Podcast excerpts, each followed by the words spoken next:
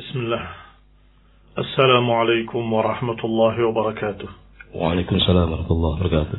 إن الحمد لله نحمده ونستعينه ونستغفره ونعوذ بالله من شرور أنفسنا ومن سيئات أعمالنا.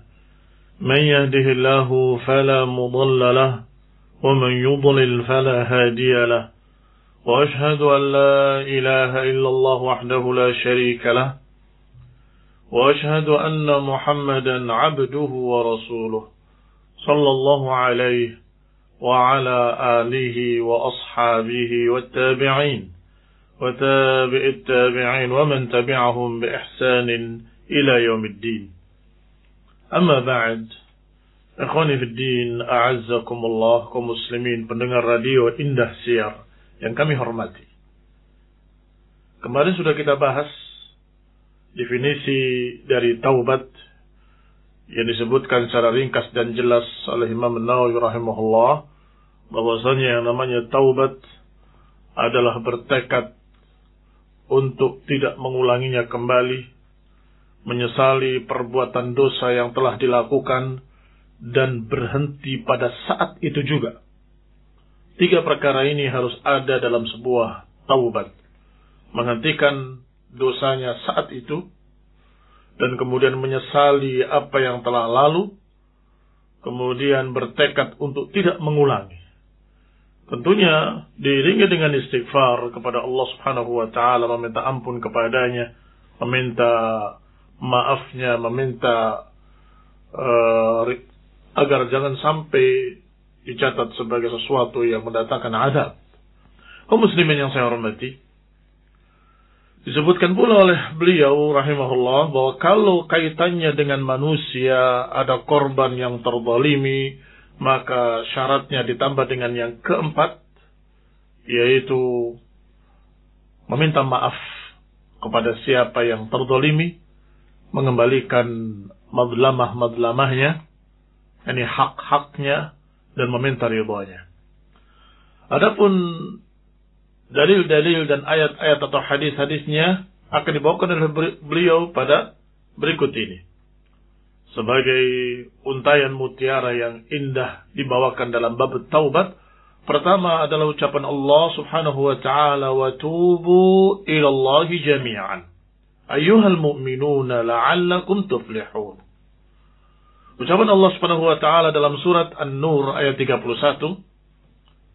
Allah berfirman wa tubu ilallah. Bertaubatlah kalian kepada Allah. Jami'an seluruhnya. Ayyuhal mu'minun wahai orang-orang yang beriman la'allakum tuflihun agar kalian mendapatkan falah. Kaum muslimin yang saya hormati dalam ayat ini kita mendapatkan beberapa faedah yang pertama, perintah untuk bertaubat.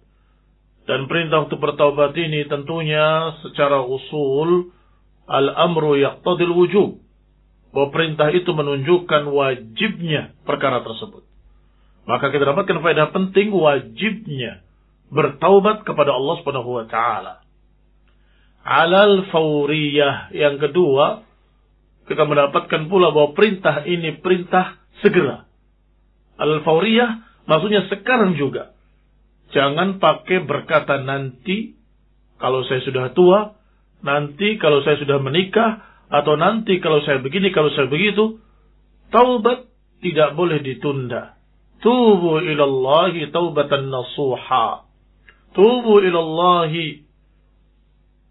Kata Allah subhanahu wa ta'ala. Tubu ilallahi jami'an ayyuhal mu'minun. La'allakum tuflihun. Maka perintah ini menunjukkan dua perkara tadi. Pertama, hendaklah bertaubat dan ini hukumnya wajib. Yang kedua, dikatakan dengan fauriyah, segera sekarang juga. Ikhwan ibn a'azakumullah, masalahnya kita tidak mengerti tentang kematian, kapan datangnya. Kita tidak tahu ajal. Padahal ajal idha ja'a, idha ja'a jaluha, la yastakhiruna sa'atan wa la yastaqtimun. Idza jaa ajaluhum, kalau datang ajal mereka, maka nggak akan bisa dimajukan, nggak akan bisa ditunda. Maka jangan sampai terlambat. Kematian sudah mendekat kepada kita hari demi hari, tahun demi tahun, bulan demi bulan. maka dosa-dosa yang kita lakukan hendaklah kita segera bertaubat kepada Allah Taala, meminta ampun kepadanya, menghentikannya, menyesalinya, dan bertekad untuk tidak mengulanginya, dan minta maaf pada mereka yang terdolimi, mengembalikan hak-hak mereka, meminta ridhonya dari mereka. La'allakum tuflihun, agar kalian mendapatkan falah. Agar kalian mendapatkan kebahagiaan, kejayaan di dunia dan. Yang kedua, dibawakan pula ayat Allah Subhanahu wa taala dalam surat At-Tahrim. Allah berfirman uh, dalam surat Hud dulu sebelum surat At-Tahrim. Istaghfiru rabbakum thumma tubu ilaih. Minta ampunlah kepada Rabb kalian. Kemudian bertaubatlah kalian.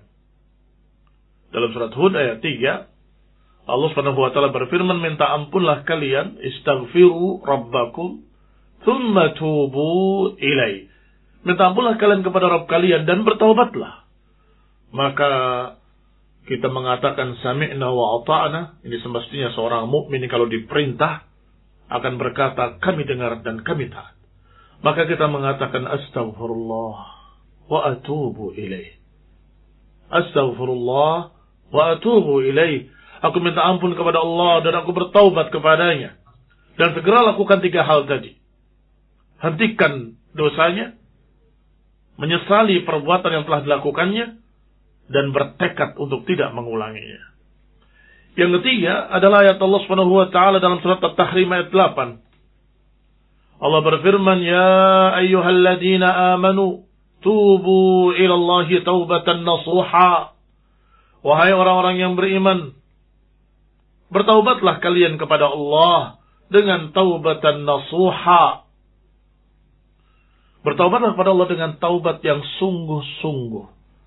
Taubat taubat yang benar-benar memiliki faedah pada dirinya, menjadikan dia lebih baik, lebih bagus, lebih bersih. Kau muslimin yang saya hormati, maka tiga ayat ini sangat jelas sekali. Walaupun dalam Al-Quran sangat banyak, ada ayat-ayat lain yang Allah katakan istaghfiru rabbakum innahu kana ghaffara. Minta ampunlah kalian pada Rabb kalian, sungguhnya dia maha pengampun, dan lain-lainnya. Kaum muslimin yang saya hormati, dengan ini jelaslah tentang hukum taubat adalah wajib. Dan kita akan lanjutkan insya Allah kita baca hadis demi hadis pada pertemuan yang akan datang. Bismillahirrahmanirrahim. ta'ala. Wallahu ta'ala a'lam. Baik kaum muslimin telah kita ikuti untayan mutiara indah Imam Nawawi dari ayat demi ayat yang sangat menyentuh hati kita. Semoga memberikan kepada kita motivasi untuk kita bertobat dan beristighfar kepada Allah Azza wa Berikutnya kita buka ruang tanya jawab. Anda persilakan untuk menyampaikan pertanyaan Anda di 0853 16 25 kali kemudian 6. 0853 16 25 kali kemudian 6. Dan mohon maaf ini pertanyaan lewat WA, tidak bisa lewat SMS. Dan tentu saja Anda yang ingin bertanya, cobalah lewat WhatsApp, karena ini adalah nomor khusus WhatsApp. Barakallahu fikum. Muslimin, baiklah kita akan uh, dimulai pertanyaan pertama. Bismillah. Assalamualaikum, semoga Ustaz Muhammad Umar As-Sawid selalu dalam lindungan dan penjagaan Allah. Apa Ustaz mau tanya, apakah anak tiri mahram dengan ayah tirinya? Ya. Apakah anak tiri mahram dengan ayah tirinya. Nah, tentunya anak tiri dengan bapak tirinya mahram ketika bapak tirinya sudah artinya menikah dengan ibunya, dengan ibu kandungnya. Maka berarti itu adalah ayahnya dan itu mahram. Kemudian apakah fadilah sholat jamaah yaitu afdol 27 derajat itu hanya berlaku pada laki-laki yang sholat di masjid? Jazakumullah khair. Nah, pembahasan para ulama demikian. Membahas tentang masalah fadilah-fadilah yang 27 tadi dihitung dari mulai berjalan ke masjid, masuk ke masjid, doa ketika masuk masjid, doa ketika keluar masjid, mendengarkan suara imam dan terusnya dan seterusnya. Tetapi jelaslah salat yang sendiri dengan salat berjamaah lebih atau salat berjamaah. Artinya bagi para wanita pun di rumah kalau mereka salat berjamaah akan memiliki keutamaan tersendiri. Wallahu taala a'lam. Kemudian Apakah zolim kepada Bani Adam yang bisa Allah ampuni begitu saja? Seperti masih ada hutang atau gibah yang sering terucap tanpa disadari? Apakah bisa gugur begitu saja?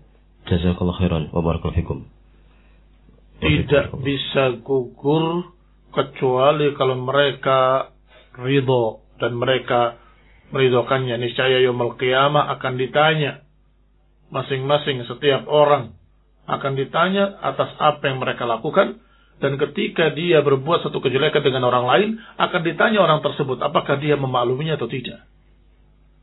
Apakah dia mengikhlaskannya atau tidak. Kalau dia tidak ridho dan menuntutnya yang qiyamah, maka na'udzubillah kita akan dituntut nanti yang qiyamah oleh mereka-mereka yang pernah kita zalimi. Masih ingat hadis atadruna manil muflis? Tahukah kalian siapa itu orang yang muflis? Orang yang bangkrut? Kata para sahabat, al-muflis fina, orang yang bangkrut di tengah-tengah kami adalah man laisalahu dirham wala dinar, orang yang tidak memiliki dinar atau dirham. Maka Nabi pun menyatakan dengan kalimat orang yang muflis nanti adalah orang yang datang pada hari kiamat. Membawa amalan-amalan saleh. Tetapi dia qad syatama hada wa daraba wa akhadha mala hadha atau kama qala sallallahu alaihi wa ala alihi. Datang yang berkemah membawa pahala banyak, tetapi dia pernah mencerca si fulan, mencerca si alan, memukul si, al, si fulan, pernah merampas hartanya si fulan, maka mereka berduyun-duyun datang menuntut yaumul qiyamah. Dan tentunya tidak kemudian diberikan hartanya sebagai bayaran hutangnya, tidak tetapi yang diambil adalah pahalanya. Diberikan kepada mereka-mereka yang menuntut. Sampai ketika sudah habis pahalanya, ternyata masih banyak orang-orang yang berdatangan menuntut. Iya, dia juga pernah mentolimi saya. Dia juga pernah memukul saya. Dia pernah mencerca saya. Menghina saya lah. Akhirnya, maka tidak bisa lagi dikurangi pahalanya karena sudah habis. Maka dosa mereka yang dikurangi dan ditimpakan pada orang ini. Ini orang yang muflis. Na'udzubillah min dalik. Orang yang bangkrut yaumul qiyamah. Na'udzubillah. Kita berlindung pada Allah Ta'ala dari yang demikian. Nah. Kemudian Ustaz, Anda mau bertanya apakah boleh berbohong, boleh berbohong untuk menutupi aib sendiri? Dan apakah boleh ikut mengangkat tangan ketika kunut subuh yang di sana melakukan kunut subuh? Atas jawabannya saya ucapkan jazakallahu khairan. Nah, Adapun kunut subuh sebagian para ulama membolehkan kita ikut mengangkat. Nah, barakallahu fikum. Sebagian menyatakan tidak boleh karena itu adalah perkara muhdas, perkara bid'ah sebagaimana disebutkan dalam Bulughul Maram dibawakan dari Ibnu satu hadis dari sahabat ketika anaknya menanyakan tentang masalah kunut subuh, bapaknya berkata, "Ai bunai muhdas." Wahai anakku, itu perkara baru. Muhdas. Sehingga tidak boleh kita ikut. Yang ketiga, pendapat yang merincikan. Kalau tidak salah ini pendapatnya Syekh Al-Albani. Kata beliau, aku kalau berada di belakang imam yang jahil, yang bodoh tidak punya ilmu, maka dia dengan kebodohannya, aku tetap dengan apa yang aku tahu. Artinya, dia tidak mengikuti imam dalam perkara-perkara tersebut kecuali rukun-rukun wajib kita ikuti. Tetapi kalau imamnya mujtahid, seorang yang alim, ternyata pendapatnya berbeda. Maka aku ikut imam karena beliau beristihad. Barakallahu fikum. Sebagaimana kata Syekh Al-Albani ketika masalah uh, i'tidal meletakkan tangan kanan di atas tangan kirinya di atas dadanya kembali Syekh Albani menyatakan itu muhdas di awalnya. Kemudian beliau salat bersama atau di belakang Syekh bin Baz. Yang meletakkan tangan kanannya kirinya di atas dada ketika i'tidal. Setelah ruku. Dan Syekh Albani ikut. Maka ditanya, engkau mengatakan bahwa itu perkara baru. Kenapa engkau ikut? Dijawab bahwa Syekh bin Bas mujtahid, memiliki ilmu. Maka aku hormati ilmunya, aku ikut beliau. Ikut istihadnya beliau sebagai makmum dan dia sebagai imam.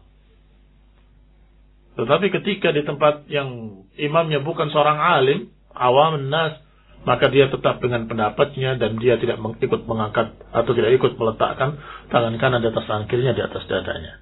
Itu satu contoh bahwasanya barakallahu fiikum masalah-masalah seperti itu ada beberapa pendapat para ulama. Dan saya cenderung dengan pendapat Syekh Al-Albani kalau memang imamnya mustahid kita hormati dia dan kita ikut imam. Nah. Kemudian apakah boleh berbohong untuk menutupi aib sendiri, Ustaz? Menutupi aib sendiri dengan bohong itu artinya menambah dosa di atas dosa. Barakallahu fikum. Akui sajalah bahwa saya memang memiliki kekurangan dan saya insya Allah akan memperbaiki diri saya. Tidak perlu menutupinya dengan kebohongan berikutnya yang berarti menambah dengan dosa yang berikutnya. Allah Ta'ala alam. Berikutnya, Afan Ustaz, Ana ini bertanya, bagaimanakah jika pemerintah setempat ya, Masya Allah. Berikutnya, apakah orang kafir boleh dikasih zakat fitri? Ustaz tanya kalau tanya lagi kalau ada yang bayar zakat fitrah 2,8 kg. Ada juga yang 2,5 kg. Yang bayar 2,5 kg sah atau tidak? Jazakumullah khairan. Ada istilah di kalangan para ulama.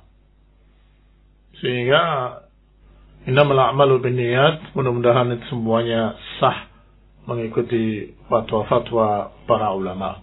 Karena memang takarannya itu kurang lebih mendekati 2,8 2,5 maka mudah-mudahan diterima sebagai zakat fitrah yang sah Allah taala a'lam. Berikutnya, bagaimana hukumnya orang yang menggunakan tanah orang lain tanpa izin dan digunakan untuk usahanya? Menggunakan tanah orang lain tanpa izin dan digunakan untuk usahanya. Iya. Ya, itu namanya ghasab dalam ghasab. dalam syariat. Ghasab itu dilarang, haram. Ghasab itu meminjam tanpa izin. Tetapi di sana ada hadis memang yang berbunyi atau e, bermakna saja ya bahwa tanah kaum muslimin atau di negeri kaum muslimin diperintahkan falyazra'hu aw liyazra' lahu akhuhu. Kalau ada tanah tidak boleh dibiarkan nganggur. Hendaklah engkau garap atau biarkan saudaramu menggarap. Menggarap itu artinya bukan membangun, tetapi menanam tumbuh-tumbuhan, berkebun, eh, berladang, sawah dan sebagainya. Kalau kamu mau menggarap, ya silahkan garap. Kalau tidak, jangan biarkan nganggur. Biarkan saudara mau menggarapnya. Karena tanah itu tidak hilang. Kapan kamu mau pakai, tinggal diambil kembali. Daripada dia nganggur, ditanami dengan tanaman jagung. Bagus. Itu maksudnya. Tetapi kalau minta tanpa izin, itu jadi masalah. Karena itu masuk gosop yang haram.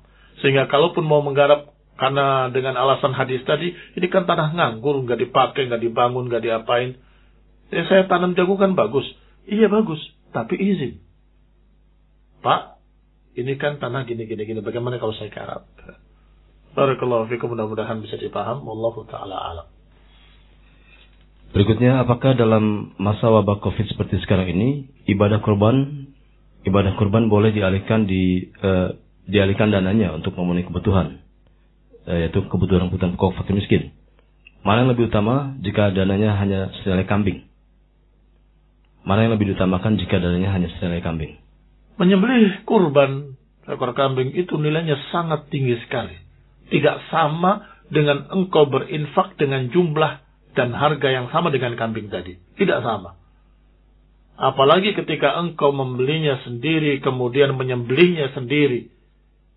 Artinya, dia betul-betul mengorbankan kambing ini untuk Allah Subhanahu wa taala dan dibagikan dagingnya untuk kaum muslimin. Itu berbeda dengan sedekah biasa. Sehingga tidak bisa digantikan atau tidak bisa dibelokkan atau diarahkan kepada yang lain tidak bisa. Kalau engkau tidak ingin berkurban, tidak mengapa, tidak wajib, silahkan kalian bersodakoh tetapi bukan berarti ini kurban yang kita arahkan. Tidak bisa, itu bukan kurban lagi sudah. Namanya sudah berbeda. Namanya sodakoh. Sehingga, barakallahu fikum, kalau pertanyaannya dengan kalimat bolehkah dialihkan maka kita katakan bahwa kurban adalah kurban dengan hewan, kambing, sapi, atau unta dan sejenisnya dari binatang ternak, tetapi dan tidak bisa digantikan dengan yang lain. Wallahu taala a'lam. Berikutnya, Afan Ustaz, apakah boleh jual beli emas via online? Jazakumullah khairan. Terus emasnya dikirim atau bagaimana? Emasnya disimpan, ada yang disimpan dan mungkin juga ada yang dikirim. Banyak yang disimpan Ustaz. Saya khawatir emasnya fiktif. Sudah jual beli, saya beli itu saya jual lagi sana, sana juga beli, jual lagi ke sana. Padahal emasnya nggak pernah ada. Karena masalah online. Iya. Yang namanya jual beli itu, barakallahu fikum, ada ilm. Dan itu syarat utama jual beli. yakni menjual sesuatu yang maklum bisa manin maklum. Menjual sesuatu yang jelas diketahui bersama antara penjual dan pembeli dengan harga yang jelas. Maka tidak boleh kalau ada ketidakjelasan. Emasnya mana? Seperti apa? Kualitasnya? Saya mau lihat. Sehingga banyak perkara-perkara yang sifatnya online, saya katakan kekurangannya di dua sisi.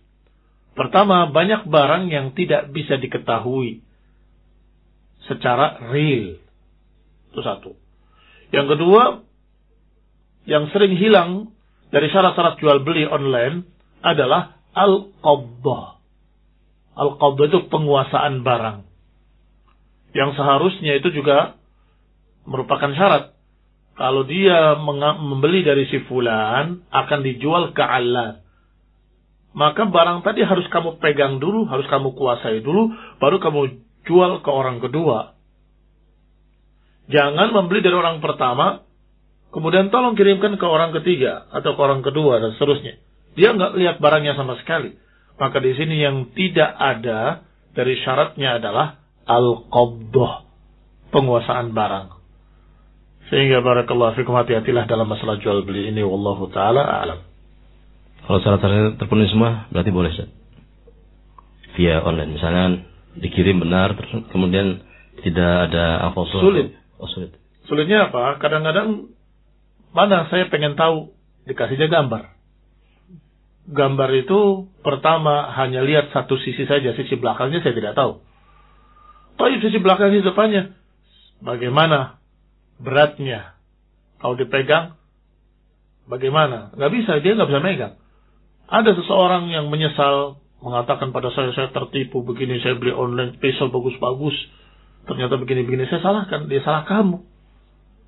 Kamu beli dalam keadaan tidak tahu. Tapi ada gambarnya saat bagus. Ternyata ketika sampai pisaunya tipis. Ya, tipis sekali. Nggak ada sama sekali kekuatannya. Barakallahu fiikum. Berarti harus rinci. Baik, spek-speknya jelas. Berarti apa dong? Paling tidak produk-produk pabrik yang sudah ada mereknya, yang sudah ada contohnya di tempat kamu. Kamu megang HP nomor sekian, eh, seri sekian. Kamu tahu seperti ini. Dan yang ditawarkan jenis ini mereknya sama. Cukup itu. Karena biasanya kalau pabrik sama bikinannya. Tinggal tanya kondisinya itu lengkap. Lengkap masih segel. Bagus. Dan lebih bagus lagi kalau online-nya di uh, yang ada pihak tengahnya apa istilahnya ada orang orang ketiga. Artinya ketika dia memberikan uang itu tidak langsung ke orang pertama yang menjual tapi ke pihak ketiga dulu. Pihak ketiga akan menanyakan dulu barangnya tolong kirim duitnya udah ada di saya. Dikirim akan ditanya lagi pada orang pembelinya sesuai dengan apa yang kau pesan?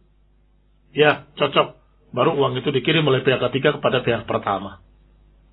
Ini mudah-mudahan lebih selamat karena apa? Karena dia bisa melihat barang tadi dengan yakin seperti spek yang sudah diterangkan. Betul tidak ada penipuan.